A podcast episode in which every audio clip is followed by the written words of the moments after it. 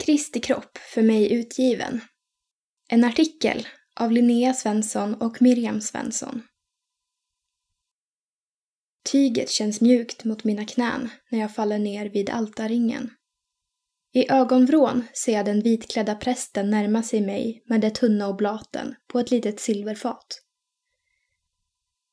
Försiktigt sträcker jag fram mina händer för att göra mig redo. De kupade handflatorna är tomma. Jag sluter ögonen och låter tankarna vandra iväg. Framför mig tornar ett magnifikt tygskynke upp sig. Jag förstår att bakom draperiet finns det allra heligaste. En man gör sig redo att gå in.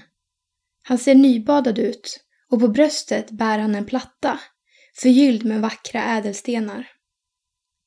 I bakgrunden hör jag folkets jubel. Med sig har mannen en tjur och en bagge. De måste vara offer som ska dö i folkets ställe och mannen måste vara den överste präst som är utvald att företräda Israels folk inför Gud. Men det är någonting i scenen framför mig som inte stämmer. Även om mannen ser nybadad ut är han inte ren. Den vackra dräkten är sliten i follen och det dyrbara tyget är nedfläckat. Jag fylls av förskräckelse när jag förstår att mannen inte alls är värdig att komma inför Gud och att offren han bär omöjligt kan vara tillräckliga för att betala folkets skuld.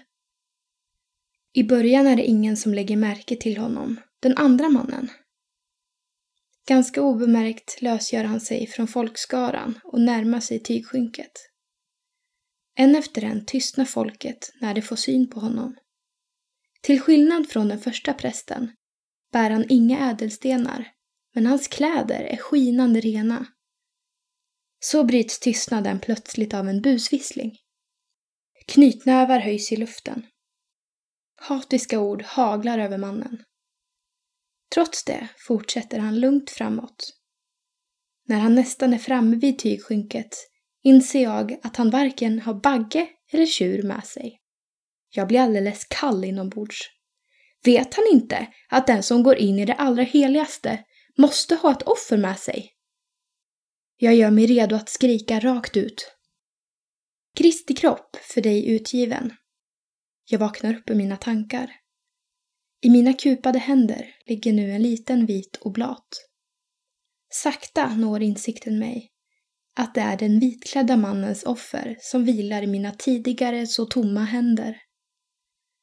Jag sväljer brödet tillsammans med det starka vinet och låter det tränga in i varje cell av min kropp. När jag lämnar nattvardsbordet bär jag med mig påminnelsen om Jesus offer och har syndernas förlåtelse i mitt hjärta.